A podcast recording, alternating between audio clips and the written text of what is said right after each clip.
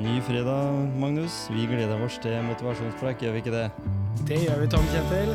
Og så er det en fantastisk gjest som er her i dag òg. Vi er heldige.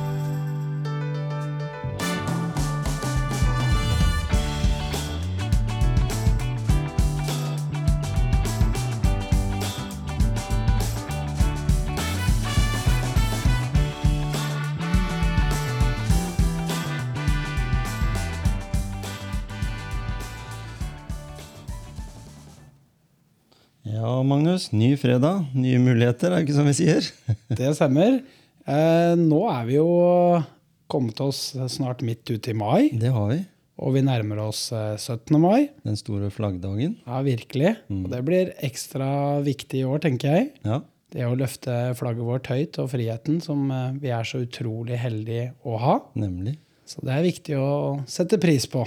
Det er det absolutt. Og vi tenkte det at denne fredagen Aldri en fredag uten en som kan løpe.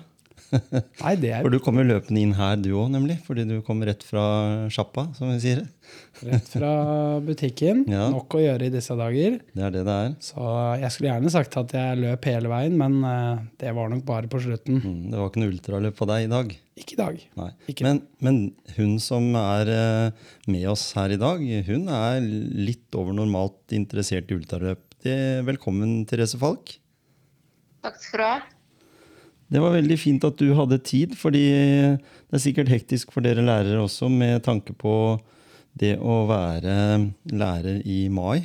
Du, du har jo ikke russeelever, men du har vel eh, voksne nok til at de har lagt litt planer om hva de skal i framtida? Ja, de, eh, de har ganske mye. De har store planer. De har større planer enn det jeg hadde når jeg gikk på ungdomsskolen, i alle fall. Ja. Ja, for du vokste jo opp på skole i litt utafor Oslo, Oslo-gryta. Var kanskje mindre Ja. kår? Ja, litt mindre kår. Klassene var vel ca. like store, med rundt 28 i hver klasse der også. Men mm. uh, Så den, den delen er vel ganske lik. Men ambisjonene til dagens ungdom eh, det, det er ganske mye høyere enn ambisjonene jeg hadde Ja, da jeg gikk på ungdomsskolen. Det var- jo litt andre tider, og det har jo kanskje blitt litt sånn at nå må du på en måte levere litt, fordi det, det å bare ha gått på barne- og ungdomsskolen og ut i arbeid, det er ikke så ofte at det skjer lenger. Du må ha litt mer med i bagasjen. Ja, og så er det noe med at de fleste foreldre i foreldregenerasjonen har på en måte hatt en sosial mobilitet eller eh, en klassereise og er godt utdanna, har en god jobb, relativt god økonomi. Vi i vår generasjon har nok på en måte bare flydd med en medgangsbølge hele livet. Mm. Så kommer dagens ungdom og må prestere for å kanskje klare nesten det samme nivået som vi flaut oss til. Ja, og så konkurrere litt med mamma og pappa òg, er det ikke sånn? For, for, for, å få, for å få innsyn og kontakt. fordi i dag så er jo foreldre veldig aktive eh, og busy, hvis vi skal kalle det det. Ja, men jeg tror foreldre i dag ser ungene sine ganske godt. Altså. Ja. Eh, Jeg opplever det at de har Det er ekstremt mange gode foreldre der ute. Mm. Det er det. Det er vi enig i. Ja. Og du, Han- du, Magnus, du har jo den eh, jobben enda, du med litt mindre barn. Jeg har jo barnebarn, så jeg vet jo hvordan det er å se mine barn igjen eh, ta seg av sine barn. Så det blir flere ledd. Eh, men nå skal vi ikke snakke om hvor gammel jeg føler meg, eller har blitt. Fordi det som er litt interessant, Therese, det er jo at du har jo vært med i podkasten vår før. Gisle, vi var jo inne på skolen hos deg og, og, og lagde en veldig bra podkast. Så for de som vil høre det vi snakka om da, det er bare å tune inn på den. Men siden vi var der, så har du jo løpt eh, langt. Lenger enn langt, som de sier i eventyret. Eh, du, og, og du satte jo rett, eh, ikke så veldig lenge etterpå, så satte du noen rekorder. Altså det vil jo si at du har løpt ganske mange kilometer i løpet av 24 timer. Og, og du har jo tatt noen NM-medaljer der også de siste, de å, siste åra. Eh, Allikevel så virker det jo som om at eh, det å være best, det er ikke det aller viktigste for deg. Nei. Um, nei, det er ikke det. det. Det viktigste er egentlig det med løpeglede. Mm. Uh, og så har jeg tenkt litt på hva det å ha løpeglede Altså hva, noe, hva som er det viktigste, da. Um, og det viktigste for meg uh, Jeg ble stilt det spørsmålet av Karin på Nimi, som jeg går til å få hjelp med akilleshælene mine. Mm. og hun spurte egentlig hva er det viktigste for deg. og så kan jeg gjerne si at det viktigste er å ha løpeglede, men det er ikke hver tur som er glede. Um, så det å kunne springe til og fra jobben stort sett hver dag, det er faktisk det aller, aller viktigste for meg. For det, det gjør hverdagen min ekstremt mye bedre. Sånn, mm. uh, ja, men jeg blir et hyggeligere menneske. Ja. Og de som kjente meg før jeg begynte å springe, vet at jeg har noe litt temperament. Hadde kanskje enda mer temperament før. Um, Morgengretten, um, litt mindre tålmodighet. Så det å kunne springe til og fra jobb gjør dagen min bedre. Og da snakker vi om sånn i distanse cirka Da er det fem kilometer én vei. Ja. Det, altså, og det er litt viktig å uh, få fram at alle turer trenger ikke å være lange. og alt trenger ikke å, Det trenger ikke å være så systematisk eller så planlagt. Litt bedre enn ingenting hele tida. Og bare disse femkilometersturene uh, gjør dagen min bedre. Mm, og, og du, du, har jo også sagt at uh, løpinga er mye terapi for deg. Uh, og det er jo ja, men da, mange... da må jeg springe litt lenger. Ja, ikke sant? Fem kilometer, da, da, er du som oss andre. Da, da, er det bare liksom så vidt kommet i gang. Men de lange turene, ja. da? Når du, når du, tenker at du må på en måte få på plass uh, huet litt, kanskje litt sånn tankemønster Jeg, jeg leste et sted at Vebjørn Rodal også brukte det samme når han var ute og løp. og han har jo på en måte for, for så vidt skryter veldig av det at du, det du har levert av resultater. Men, men mange løpere som løper langt, uh, føler, sier jo at det har uh, at det er veldig god uh, mental medisin. da. Det har jo du også sagt en del om. Mm. Um, ja, spesielt sånne tremilsturer før frokost på en lørdag. Det er de turene er det jeg kanskje savner aller mest nå når jeg trener litt redusert. Mm. Uh, for de, de, turene får jeg ikke gjort akkurat nå. Men uh, Så jeg henter Jeg vet ikke. Jeg klarer å grave meg opp og orke å ta disse tåhevene som jeg må ta. For det, når du sliter med akilleshæler, så får du sånne øvelser. Mm. Og det å springe tre mil før frokost en lørdag er ingenting sammenlignet med å stå i et kvarter med en tung sekk på ryggen og ta tåhev på stua.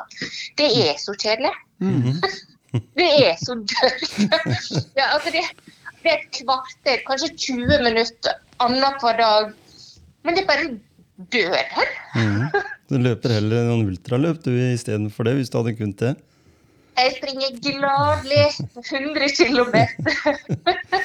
men, men, men, da vil jeg vite Ja, ikke sant? Men da vil jeg bare vite litt sånn, Du sier jo dette her med at du har slitt med akilles. For de som følger deg på, på Instagram og Facebook, uh, kan jo lese det at du har hatt disse her utfordringene. Men i tillegg uh, så, så, skriver du jo litt om det med korona. Du har hatt korona og har slitt med noen ettervirkninger? Ja, hjernen med fortsatt uh, jeg, jeg prøvde å forklare hvordan det føles ut i hjernen min, men alt går veldig sakte. Så det er nesten som om du har Det er bomullshjerne, men bomull dyppa i sirup som du prøver på en måte å dra opp. Er mm. bare jeg seig masse med guff som dette, altså alt dette ut, og jeg sier feil ord. Og nå er jeg relativt tidlig på dagen, så nå fungerer hjernen slik at jeg klarer å ha en normal dialog. Men mm. etter jobb, når jeg har brukt opp uh, på en måte energien og overskuddet, da sliter jeg med å føre gode samtaler for tida. Og det er nesten tre måneder siden jeg hadde korona. så jeg mm jeg kjenner den Det syns jeg er kjipt. Og det Mm. Jeg kjenner det kjipt, så da har jeg, jeg bare lyst til å grine når jeg tenker jeg, Nei. Ja. Nei. Nei, det Jeg skjønner, hva- det skjønner jeg. Det, fordi det er jo Det er noe, det er noe dritt, det der. Og, det, og det er jo sånn at det er kanskje ikke kommet så tydelig fram. Fordi mange tenker at ja, jeg har slitt med pusten, og det er liksom etter eh, av korona. Men jeg har også hørt noen av de eh, jentene som, som er her på huset, som er med i noe som heter Sportsjentene. Eh, og der har det vært en to-tre av de jentene som er vant til å løpe maratoner og alt, som ikke orker mer enn fire-fem kilometer. Og det er ikke bare pga. pust, men også pga. det som du sier med, med hvordan hodet fungerer, og at alt, alt det er ikke helt som det skal.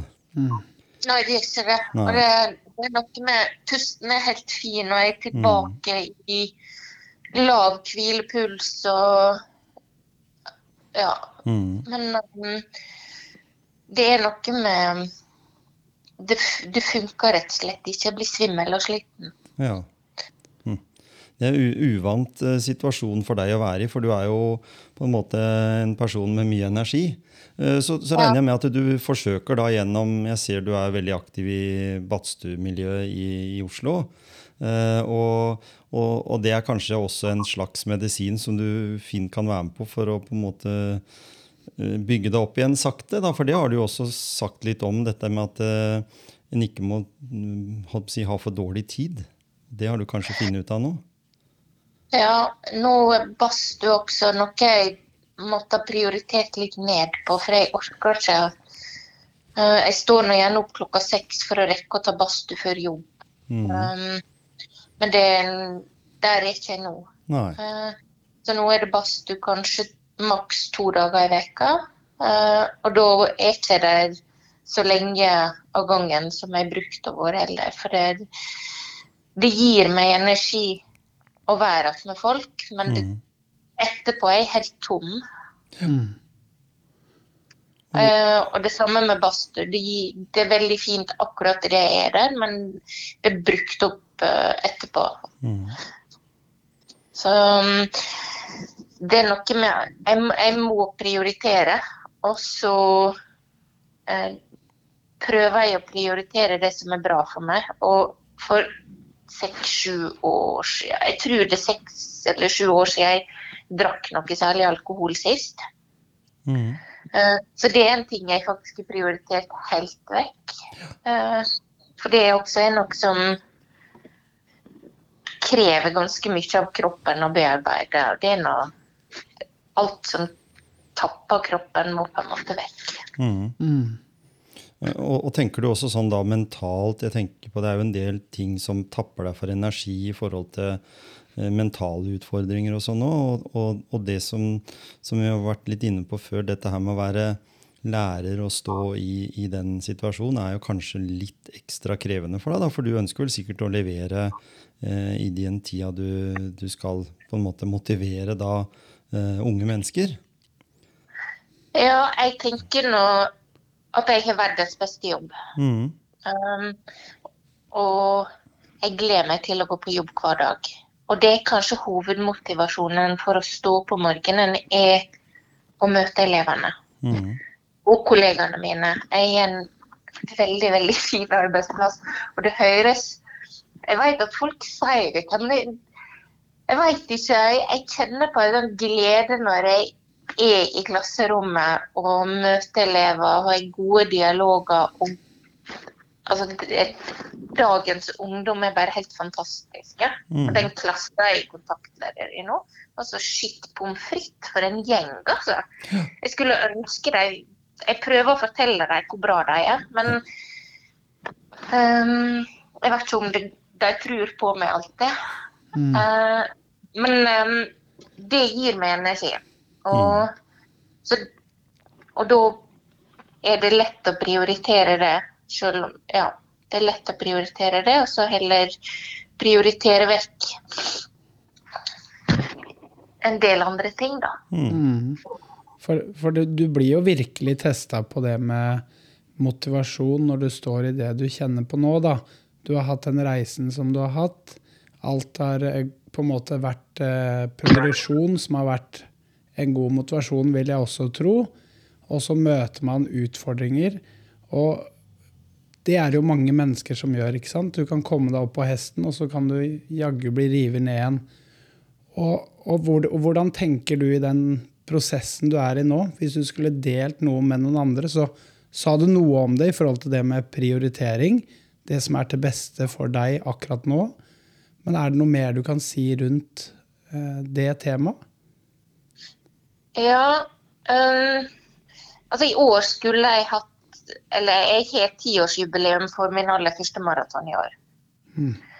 Uh, I juni for ti år siden så sprang jeg Nordmarka skogsmaraton, som var min aller første maraton. Og så var planen egentlig at jeg skulle springe maraton nummer 100 rundt da. Mm. Um, nå vet jeg ikke hvor mange jeg har, men altså, jeg kunne alltid tatt ti maraton på ti dager bare for å komme til 100 hvis det var nødvendig. ok, ja. ja, men altså, I fjor så kunne jeg det. Mm. Nå kan jeg ikke det. Så nå tenker jeg OK, det, det blir ikke som det skal. Men det jeg erfarte altså, For meg så er Nordmarka skogsmaraton i 2012 det er den jeg rangerer høyest av alt jeg har gjort i min løpekarriere. fordi at da drog jeg meg opp av ei skikkelig gjørme og en sump som jeg var inne i da. Mm. Uh, og det å komme seg opp fra ei Altså når du er nede på dypet, mm. og så kommer deg opp um, Det er mye mer krevende det enn å springe lengst i Europa når du er inne i en god stim. Mm. Uh, nå ikke jeg at det var lett å springe dritlangt, men um, 261 km ja, på 24 uh, timer. Nei, men for meg det var mye tøffere å komme seg ut og begynne å forandre på tankesettet. Det er mye mer krevende å begynne å trene og komme seg over dørstokken de første 10-20 gangene enn det er å springe et 24-timersløp når du har gjort det noen ganger. Mm. Uh, og jeg har erfart det å komme meg opp fra tunge perioder før. Um, og livet er egentlig barneskirenn. Altså, det er ikke søndagsskole. Livet er, kan være ganske brutalt med mm. smeller enten på det personlige eller arbeidsmessige planet eller sykdomsmessig. Vi mm. veit ikke hva vi får utdelt. Nei. Jeg har altså bank i bordet, jeg har aldri opplevd alvorlig sykdom. Og det at jeg har ettervirkninger av korona, det er sikkert flis i havet sammenlignet med hva andre står i som opp jeg har venner som har gått gjennom brystkreft, og som kjemper seg tilbake og jogger. Og det Jeg har egentlig ingenting jeg skulle ha sagt når det gjelder å dra seg opp av tunge perioder sånn sett. Mm. Um, eller komme tilbake. Um, men det er klart Hvis jeg skal få lov til å på en måte se i forhold til min situasjon, mm. uh, og det må jeg, det er noe meg sjøl jeg må relatere i forhold til uh, så Det handler om at når du har kommet deg opp og ut av en tung situasjon mange nok ganger og jobber deg ut av kjipe perioder. Mm. Mange nok ganger så erfarer du det, og da blir det lettere hver gang. Mm. Uh, og jeg, jeg, er glad Jeg kan ikke si glad for at jeg uh, har hatt uh, tunge perioder før, men den erfaringa mm. jeg har gjort med å jobbe meg ut av tunge perioder med trening. Og det å stå i det selv om det går treigt, selv om det er mye kortere, uh, selv om jeg blir mer sliten av det, og selv om det går sakte, mm. um, så vet jeg at når jeg da blir frisk igjen, så kommer det til å være så mye lettere på en måte å komme tilbake til et høyt nivå der. Mm. Og, og, du har jo Jeg tenker at du er sånn skole, Utad i hvert fall så er du et sånn skoleeksempel på, på, hva trening kan gjøre med en. da Fra å, som du sier, vært ned i den dypeste grøfta og opp eh, til der du er i dag. da. Eh, og så har du støtt på noen ting underveis. Men, men jeg tenker, når du snakka om det, det løpet som hadde vært aller viktigst for deg, da, denne maratonen eh, Den uka som du tok på deg eh, joggesko den gangen, hva, hva, det som de sier da, Hva følte du da? Mm. Som, for det er jo å tenke på at den der indre motivasjonen til å få folk til å komme i gang. For det er jo der det hele begynner. Ja, jeg fant noen å måle meg mot. Mm. Eh, jeg hadde ei på jobben der jeg jobba før, som hadde gått ned 40 kg, tror jeg. Altså hun hadde gått ned mye vekt, og så sprang hun sin første halvmaraton. Og så tenkte jeg at hvis hun klarer det, mm. da kan kanskje jeg også klare det. Mm. Og så måler du det hele tida mot noen som kanskje er litt bedre enn deg, eller har gjort noe som det er mulig for deg å strekke deg mot. da. Ja. Om det så er en treningsøkt på Sats der du stiller deg bakerst en gruppetime og prøver bare å delta, eller om det er å løfte fem kilo tyngre enn det du gjorde forrige uke. Mm. Um, men um, det å måle deg mot altså Bare strekke deg mot noen. Jeg er ikke en foregangsperson sånn sett, så kanskje nå i de siste, de siste åra så har jeg prestert langt over det folk flest gjør. Men det var ikke sånn at når jeg begynte at jeg tenkte at nå skal jeg brøyte vei. Jeg har hatt folk å måle meg mot hele veien, som jeg har sett opp til, og som jeg kunne dratt meg sjøl mot. Mm. Så, så det, uh, og det kan være ja. naboen eller en kollega eller ja. Så, så, det er litt viktig det du sier her nå, da, Therese, det i forhold til det å finne noen som kan motivere deg. Og, og for, mm. Fordi det er det som mange kan ha en indre motivasjon som er veldig sterk. Og hvis ikke altså Så går det en viss tid, da, så er det veldig mange som detter av igjen. Og hva tror du er grunnen der? At de på en måte gir opp, i hermetegn, på en måte? Har, har du noen tanker rundt det? Eh, vi, vi, kan jo ha en sterk vilje. ikke sant? Du har vilje, og så har du motivasjon. Og, og, og, hvordan du finner den, da, og stå i det over tid. Og da tenker du også kanskje det er viktig det med å ha et eh, løp, kanskje, eller ha et eller annet man, man trener mot, da. Nei. Nei?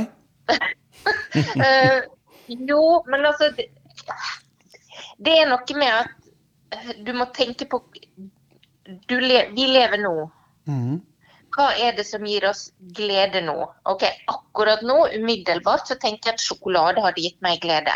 Mm. Men så vet jeg at sånn, i det generelle så ville er god helse noe som gir meg glede.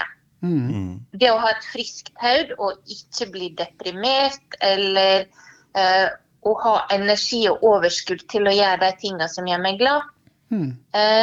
Det er på en måte det som er viktig i livet mitt.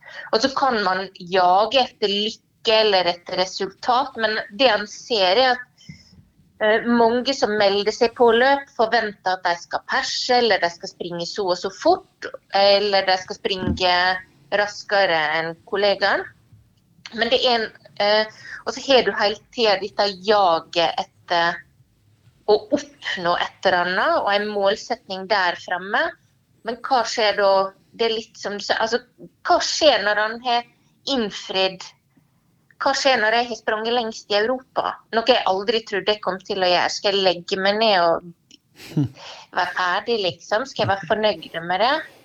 Uh, og så er det noe med å tenke på hva det er som gir deg glede. Og for meg så gir ikke det meg noe bedre liv å ha sprunget lengst det, det er ikke det. Akkurat da, kanskje. Det var en kul opplevelse. Men det som Det handler om at du kan ikke være best alltid. Og så må du tenke på hva er det du vil oppnå med det. Legge lista og standarden litt lavere, og ikke nødvendigvis ha målsetning om et bestemt løp. Men det er en slags livsreise. Mm. Mm. Men, men det, det, ga, det, ja. ga det mening? Ja, det ga kjempemening. Absolutt. Og, og, jeg tenker det er viktig, den indre motivasjonen. Den, den, den med, med, med, lykke, eller hva det gir med en treningsøkt i forhold til det mentale og det, den goden det har, da. Eh, og, og, gevinsten av å ta den turen. Og jeg tror veldig mange i, i begynnelsen når de løper, så kan eh, Eller en treningstur kan være veldig mye forbundet med smerte, fordi man ofte eh, drar på litt for hardt eller eh, ikke klarer å, å, tenke at nå skal jeg bare ut, jeg skal bevege meg, og så ser jeg hvordan det går. I stedet for at man setter seg de hårete måla. Og det, det, er jeg helt, helt enig med deg mm. i det. Virkelig. Men din ambisjon må jo være nå at eh, når du blir frisk igjen, da, så, så, så tenker jeg at da, da, er det vel litt sånn at du, du, vet hvor nære du er til å kunne da løpe lengst i verden. Det er jo det er helt sånn utrolig Tenker vi, da, vi som sitter her, vi gutta som er vanlige mosjonister. Du er jo for så vidt i Du ønsker jo å være i den klassen, på en måte. da, fordi du, Jeg ser jo det når du legger ut bilder, så er jo du et midtpunkt blant mange andre som du har motivert også, fordi en ser at Therese var jo ikke her for ti år siden. Hun var jo ikke i denne verden, på en måte. Eller var jo verden, men ikke akkurat i dette miljøet. Eh, så du har jo motivert mange. Det, det må du vel, Er du litt stolt av det? Ja, og så er jeg mer stolt av at eh, altså For meg så er det viktigere å kunne motivere folk til å ta tak i sitt eget liv enn til å skulle springe dritlangt. Mm. mm. Og det, kan, det, er det mest krevende du gjør, det er å ta tak i livet ditt når du er på en plass du kanskje ikke ønsker å være. Mm. Vi, hadde sånt, vi hadde et, løp her eh, som en av de Eh, her et år som han eh, eh, er vel, han bor i Siljan, som, som løper også mye ultraløp. De arrangerer noe som heter Skogvokteren Ultra, som er 88 km, er det vel. Og jeg sto i målområdet når de Vi lagde en egen episode om de. Sto i målområdet når de kom i gang. da, De løp liksom hele, alle toppene rundt. Det var sånn ja, 3500 høydemeter og sånn. Så, men allikevel, det som var veldig ålreit å se, det var at alle var jo liksom De, de konkurrerte jo bare med seg sjøl. Det var ingen som eh, var opptatt av at de skulle slå noen andre. Eller, altså Noen som hadde selvsagt trena mye for å få til dette her. Men, men det var liksom en sånn genuin sånn sosial sånn Alle sto og klappa, og til og med de første som Eh, kom i mål, sto og venta på de som kom mot slutten. Det syns jeg, sånn, for meg som har konkurrert i ballsport, da, så tenker jeg at det, det, finnes jo ikke det samme der. Ikke engang innad i laget. Er det noe spesielt i de, de løpsmiljøene? Eller sånn at det er veldig sosialt og alle heier på alle? Altså Ultraløp er det sånn som du sier der. Det er spesielt. Ja. Uh, og det er kanskje det som er det fineste med hvis folk vurderer å springe en maraton, så anbefaler jeg egentlig å springe et 60-timersløp i stedet for. Mm. Som, for det at hvis du springer et 60-timersløp, så skal alle holde på like lenge. Ja. Eh, den godfølelsen, altså det å kunne være på banen uansett om du Altså du springer på samme bane uansett. Ja. Så om du har ti eller om du har 20 runder, så er det ingen som alle klapper for deg for uansett. Du har levert maks uh, uansett. Ja. Mm. Altså, jeg, jeg, vil tilbake til det du sa om det å bli best i verden, eller springe lengst i verden. Mm. Uh, og det er helt sikkert noen som ikke tror på meg, men det, det er faktisk ikke viktig. Nei. Jeg har ikke det som motivasjon i det hele tatt. Uh, jeg, men nå har jeg også tenkt hvert år siden 2017 at jeg er over toppen. Mm. Jeg er helt sikker på at nå har jeg sprunget mitt beste løp. Jeg kommer aldri til å springe så fort eller så langt igjen. Um, og så viser det seg at jeg har framgang hvert eneste år, men jeg blir 47 år i sommer. Mm. Jeg er ikke akkurat direkte ung og lovende lenger. Å jo da. I forhold til, i forhold til meg, da, Sverre? Jeg må stikke fingeren i jorda. Altså, jeg er nå den alderen jeg er. Mm. Uh, og jeg forstår at alder uh, En ting er fysiologisk alder, men uh, Ja. Men kroppen min er mye, er mye sprekere og friskere og sunnere nå.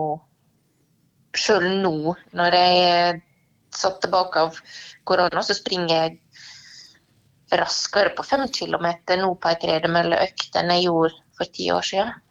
Mm. Det er ganske motiverende å tenke på. og Sånn, eh, sånn har det virkelig vært for meg òg, med den reisen jeg starta i 2016. Fra å stresse og jobbe mye og ja, leve usunt, rett og slett. Og, og hvor mye ja, smerte det medførte med kroppen og med slitasje og, og, alt med seg. Og det å klare å komme over den uh, dørstokken den gangen var også en veldig stor seier for meg. Mm. Og, og, det Ja. å holde seg i gang og finne ut bare den ekstreme lykken det er å løpe for meg nå, det å kjenne endorfinen som kommer etter sånn cirka for meg da, rundt tolv minutter. Da bare bobler det av ideer. Og, så jeg har en sånn egen bok jeg, når jeg kommer hjem og, og skriver de ideene som har kommet fram i løpet av turen. Så jeg syns det, er, eh, det er så mye mer enn bare de tidene, da. Mm. Nemlig. God idé det du sier der med å tenke at du løper en, eh, et sekstimersløp. Ja. Eh, Jeg tenker på det sjøl òg, ja, fordi jeg er vel litt opptatt av når du får en liksom tildelt ja, x antall kilometer, så tenker du fy søren om fort jeg må løpe for å holde følge. liksom andre, Men løper du på en bane, så, så kan du være i din egen boble. eh, Hvis du ønsker det. Mm. Men, men jeg tenker, du er jo lærer, eller lektor heter det vel. Jeg vet, jeg vet egentlig ikke forskjellen, ja, men det er jo kanskje du har gått litt lenge på skolen? Er det ikke sånn? Jeg Stillinga mi er lektor med opprykk. Ja. Men uh, det er potato potato, så jeg står i et klasserom på lik linje Ja, med en adjunkt. Så, så det blir litt som i Forsvaret at du er sersjant eller fenrik. Liksom du har, ja. Men du gjør den samme jobben. Eh, jeg tenker på de elevene som du eh, har hver eneste dag. Så, så, så sier de seg, å, der kommer Therese liksom, nå kommer hun løpende på, på skolen igjen. Og så. Tror du, eh, for ungdom i dag, vil har snakket om det, og ungdom i dag er jo fantastiske mennesker som skal bygge videre på denne jordkloden som vi lever på. Så må jo vi da, som er vår generasjon, prøve å bli enige om om vi skal satse på miljø eller ikke. Men, men i hvert fall, eh, føler du at de er Altså at du er inspira en inspirasjon for de i forhold til det livet du har? Forteller du de at eh, 'jeg var ikke her for ti år siden'? Eh, Er alle elevene i klassen din, eller kanskje til og med på skolen? For du, du har jo vært på TV, og du har liksom fått vist deg litt fram og fortalt den historien åpent ut. Tenker du at du motiverer disse unge menneskene med dine eh, gode eh, holdninger, hvis en kan kalle det det? Eh, eller den, er det det at du er som lærer du ønsker å motivere de mest? Det var et langt spørsmål, men Det var et veldig langt spørsmål, og hodet mitt Jeg kjenner, jeg kjenner at korona, koronahodet mitt begynner å dette ut nå, så jeg begynner å bli skikkelig sliten. Så, men jeg skal prøve å svare på spørsmålet ditt. Um, jeg vet at jeg inspirerer enkelte, for det de er flinke til å fortelle meg. Um, de er kjempeflinke til å uh, se lærerne rundt seg. mm. De, eh, de er interessert og de er omsorgsfulle overfor voksne på en måte som jeg ikke kan huske at jeg var. Eh, og så spør de. Um, de er mer interessert i å høre om enkelte ting jeg har gjort i løpet av helga, enn folk man skulle forvente kanskje stilte de samme spørsmåla. da. Mm. Eh, og jeg vet det at når jeg var på Lindmo i november-desember-ish, Mm. eh, da var det veldig mange som sendte meg melding, og jeg fikk blomster med foreldre. Ja. og de hadde tacofredag med hele familien samla for å se meg på TV. Så det, det syns jeg, jeg er litt gøy. Så Ja, det var bedre å se deg enn Jonas, for å si det sånn. Ikke det at det er noe feil med Jonas. sol, jeg, var en sol, jeg var en solstråle på det Ja, programmet. Jeg kom det. veldig godt ut av det. Ja, Og så hadde jeg en bra hårdag i tillegg. Nei, det var veldig okay. fint. mm, det er det. Og det er jo på en Takk. måte, og det er på en, måte en, en arena å vise seg fram på. fordi som, du, som vi var inne på her i stad, du har aldri lagt skjul på den historien din og, og hva du må, har måttet gjøre. Og, og, og jeg syns jo det var kjempeålreit at du hadde anledning til å bli med i Motivasjonspreik nå, tross alt med, med de tinga eh, som du har vært eh, og er igjennom. Eh, allikevel da, så setter jeg veldig pris på at du ble med, og det gjør, gjør jo Magnus òg. Eh, og så skulle jeg hilse fra Gisle, eh, som, som også heier på deg. Eh, og, og sånn, fordi det er klart at du har prioritert å være med oss på en fredag, og det er jo vel, vi veldig glad for, da, i, oppi hele denne hverdagen din.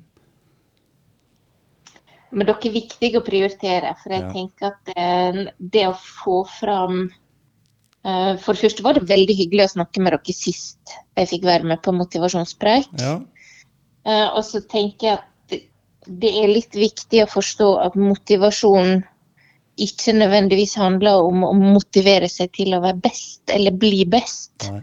Eh, For dette, og dette jeg sa tidligere om jag etter resultat, eh, men at du på en måte, altså Nivået mitt kommer mest sannsynlig til å bli lavere for hvert år framover. Mm. Eh, og da kan ikke det være sånn at jeg kan må jage etter en ny pers eller Altså jage etter resultat framover for å ha motivasjon. Det går ikke. Um, og da er det viktig å tenke på hva er det som er grunnen til at jeg gjør dette her. Og da er det et bedre liv generelt sett. Mm. En bedre utgave av meg sjøl, eller en bra nok utgave av meg sjøl. Ja. Og jeg legger vekk dette med å bli den beste utgave av deg sjøl. Det å bli best så lenge du er best, jeg vet ikke, jeg misliker det sterkt. Mm. Eh, for du, hvis du skal være best, den beste utgave av deg sjøl hele tida, da blir du utslitt. Mm. Det var godt sagt. Så du må Mm. være bra nok utgave av deg sjøl, og prøve å være like glad i deg sjøl som du er i mennesket rundt deg. Mm. Og til og med kanskje på både gode og dårlige dager. At det er også de Kanskje dårlige noe- dagene også, at du må legge inn litt ekstra der, da. Men allikevel eh, hvis en og, og, og det er ikke noe egoistisk reise, det å være opptatt av å være en god utgave av seg sjøl. Nei, det de sier når det er på fly. Først Mm. maske på deg sjøl, så kan du ta maske på andre. Mm. Helt riktig. Og det, det er så viktig. Det, er, det er ofte så lett for å, å glemme seg selv oppi mange ting vi står i. Og, og det handler om å, å ordne og fikse seg selv før man har kapasitet til å hjelpe andre. Også i en situasjon. Uh, så det Nei, fint Mm. sagt. Vi går inn i mai. Uh, Vi snakka om det her i starten med, med 17. mai og, og, og flagget. Og jeg syns jo den tida nå med det norske flagget sammen med grønn bjørk og alt det som vokser til, er en veldig fin tid. Som i hvert fall gir meg mye både mental og, og fysisk energi. Eh, føler du at eh, du nå eh, ser liksom litt framover mot noen, noen mål som du er, føler at du er i stand til å, å levere, eller er det bare sånn at du surfer på nå for å så komme mot skoleferie og nyte fi, ferien som lærer? Avspasering. Ja, jeg skal si avspasering. for ellers får jeg kjeft av kona mi, for hun også er lærer. Ja. Nei, for- For min del kan du kalle det, kall det hva du vil. Um, Jeg syns det er altfor lenge å ha fri fra jobben. Men um, Mm. uansett om du kaller det avspasering eller ferie, så syns jeg det er fryktelig lenge å ha fri fra jobben. Mm. Gjør det. Um, men motivasjon Altså, det jeg ser frem til ja, Hvis vi skal inn på 17. mai og flagg og sånt først Ja. en av, en av motivasjonene med å trene er å komme inn i bunaden Ja. og ha romslig plass nok i bunaden til å spise så mye is jeg vil på 17. mai. Og det, jeg skal ikke kimse av det, altså. Det å ha en kropp som, som kan spise god mat. Mm. Det, det er viktig motivasjon. Mm. Hva, slags helt bunad, enig. hva slags bunad har du, Therese? Det bør du høre på dialekten med. Ja, ikke sant? Men jeg Ja, tenkte, tenker det kan være en sånn lokal variant av noe. Men, men, det, men det, det er en sånn eh, tradisjon. Jeg har jo bybunad. Eh, jeg kaller jo det dressen min for det, da, fordi jeg har liksom ikke noe Men jeg burde jo kanskje hatt eh, Øst-Telemark eller Vest-Telemark. Men Magnus, du er sånn bunadmann. Jeg ser deg foran nikkers og Ja. Jeg skulle ønske jeg kunne sagt det, men, eh, men jentene hjemme har det. Ja, ikke sant? Og så går jeg fortsatt i dress. Ja, hva syns du om eh, mannfolk med bunad eller dress? Jeg syns mannfolk i bunad er nok av det mest snasende som finnes. Ja. Tuller du? Da må jeg fikse Det det. er så fint! Det er så fint, en bunad. Og jeg, Mm. eh, bestemora mi broderte bunaden min eh, for 32 år siden. ja. 33 år siden. Tida går fort. Eh, og det at jeg får den på meg fortsatt Jeg har bare sydd den ut én gang. Jeg ser ikke ut som jeg gjorde da jeg var 14. Men den bunaden, det, det er kanskje det Nei, det er ikke kanskje. Det er det fineste plagget jeg eier. Det er det Mm. fineste tingen jeg eier. Og det å komme seg inn i bunaden hver 17. mai, det For meg er det, det er på en måte ja, Jeg føler meg aldri så fin som jeg gjør når jeg har på meg bunad. Nei, det er riktig. Og, og nå så er det jo en sånn debatt, selv om vi nå kommer litt utafor temaet, vi er inne på bunadtemaet, sånn avslutningsvis, da, så er det jo dette her med folkedrakter, og, og en ser jo det at mange vil eh, en sy jo alternative bunader. Hva, hva syns du om det? Du som da har en tradisjonell bunad fra, fra det området du kommer fra, så, så er det jo mange nå som kan tilegne seg en egen folkedrakt eller en egen eh, bunad på en måte, da. Eh, syns du det virker greit? de, kaller det, de kaller det vel festdrakt, Ja, ikke sant? og jeg syns det er helt nydelig. Ja, jeg syns det er kjempefint, jeg òg. Fordi det har, det Eh. har, har noe med økonomi å gjøre òg for noen mennesker. Og det Mm. å kunne kle seg med hva de vil, og om de lager favorittantrekket sitt, så er det helt fantastisk. Jeg hørte 75 000 ja, for å få en ferdig bunad i dag. Så det er mye penger Ja. for noen. Så det, det er klart, når du har hatt inn i, i, i 33 år, så er det klart at det er jo arvegods, på en måte, da. Det, også, og I tillegg til at den ofte har familiemedlemmer som har vært delaktige i å få den til å bli som den er.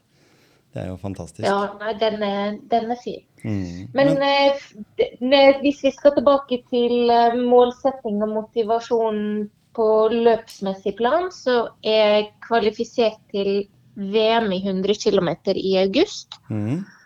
eh, Wow. Og er kvalifisert til EM i 24 timers i september. Ja. Oi. Så planen, eh, det jeg håper, er at jeg kan få delta i begge to. Det er, selv om det er bare tre ukers mellomrom, så tenker jeg at for meg hadde det vært optimalt hvis jeg er i god form. Altså hvis jeg er frisk og fortrent i sommer, Mm. Så er det å springe en 100 km tre uker før et 24-timersløp eh, perfekt oppladning for meg. Mm. Ja. For det, de beste resultatene mine har jeg når det er relativt tett mellom løpa. Mm. Jeg har nok persen min på maraton er satt ei uke etter jeg sprang 100 km på 8.30 um, for noen år siden. Mm. Så da sprang jeg eh, min nest raskeste 100 km til da. Mm. Og så springer jeg da en maraton seks eller sju dager senere på tre timer og ett minutt. Mm. Wow.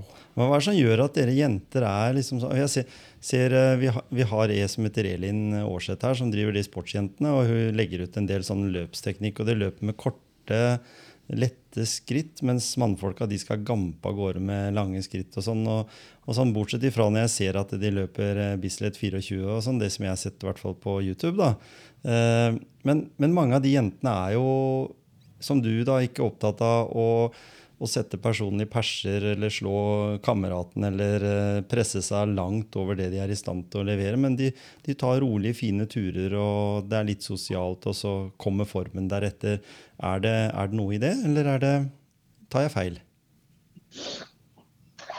Altså, jeg syns når det er enkelte som på en måte Hva skal jeg si Det er enkelte som tar seg sjøl altfor høytidelig, eller resultatene sine, eller eh, det de jager etter. Mm. De tar det altfor seriøst. Eh, og Ja, jeg det, da tenker jeg at det å senke skuldrene litt og gå inn med en god innstilling om at dette skal bli bra, gjør det kanskje litt lettere å prestere. Jeg veit ikke. Nei. Jeg har i hvert fall hodet med meg på en annen måte enn hvis jeg hadde gått ut og sagt at jeg skal bli verdensmester, eller jeg skal sette europeisk rekord. Altså, ja, jeg skal eh, Altså, hver, hver mann si høne, skulle jeg si, sa Lars Bonen en gang. Men eh, hver, hver løper sin taktikk. Men for meg så hadde ikke det funka. For meg så funker det å tenke at jeg skal gå og gå inn i et løp og prestere mitt beste ut ifra sånn jeg er der og da. Og så er det det løpet uh, som teller. Og så er det som jeg sa, at det handler om hverdagen i utgangspunktet. Ja. Mm. På, på slutten har jeg ett spørsmål. Liker du best å løpe i skogen eller på asfalt? Hva du tror? Skogen. Var det dumt spørsmål? Hallo? Ja, hallo, Ja, ja. det var et, det var et fryktelig dumt spørsmål. Altså, alle som kjenner meg, vet at det svaret er veldig enkelt. Asfalt. Det er ikke gøy. Det er vondt. Asfalt ti av ti ganger. Jeg ville ha valgt asfalt hver dag som helst. Mhm. Men hva bruker du naturen til da? Rekreasjon eller rest, restitusjon? Nei, den kan vi se på fra, fra avstand. Nei, det, det, det, men men, men for, for det jeg tenker på, det er det jeg merker da når jeg løper mye på asfalt, da, det er jo knærne mine. Mm. Og når jeg løper i skogen og har den bevegelsen hele tida med opp og ned og hit og dit, så, så merker jeg ikke det samme, da. Nei. Tror du, tror du de akillesproblemene dine er en form for overbelastning, eller er det bare at du har vært litt uheldig? Brukt noe feil sko, eller gjort noe sånt? Du vet sikkert uh, fysioterapeuten din mer om enn en det jeg gjør. eller, eller du òg? nei, det Jeg veit ikke. Nei. Det kan komme av så mangt. At jeg Ja. ikke har tatt uh, tåhev, eh, ikke har trent det jeg skal trene av grunnleggende Ja. Jeg har bare sprunget, stort sett. Og det, det er ikke så rart om noe knirker litt. Nei, ikke sant? Men eh, Therese, jeg tenker også at du skal få lov til å hvile nå. Vi er Mm. utrolig takknemlige for, eh, for samtalen vi har hatt med deg, og inspirasjon mm. til oss og til alle de som hører på. Så heier vi utrolig mye på deg, og selvfølgelig ønsker deg skikkelig god bedring. Mm. Og lykke til i mesterskapene eh, etter sommeren. Tusen takk. Ha en god, god sommerferie, og så lade batteriene akkurat så mye du må. Ja. Mm. Tusen God takk. sommer til dere. Tusen Ha det. takk Ha det bra, da. ha. Ha det bra, Therese. Ha det.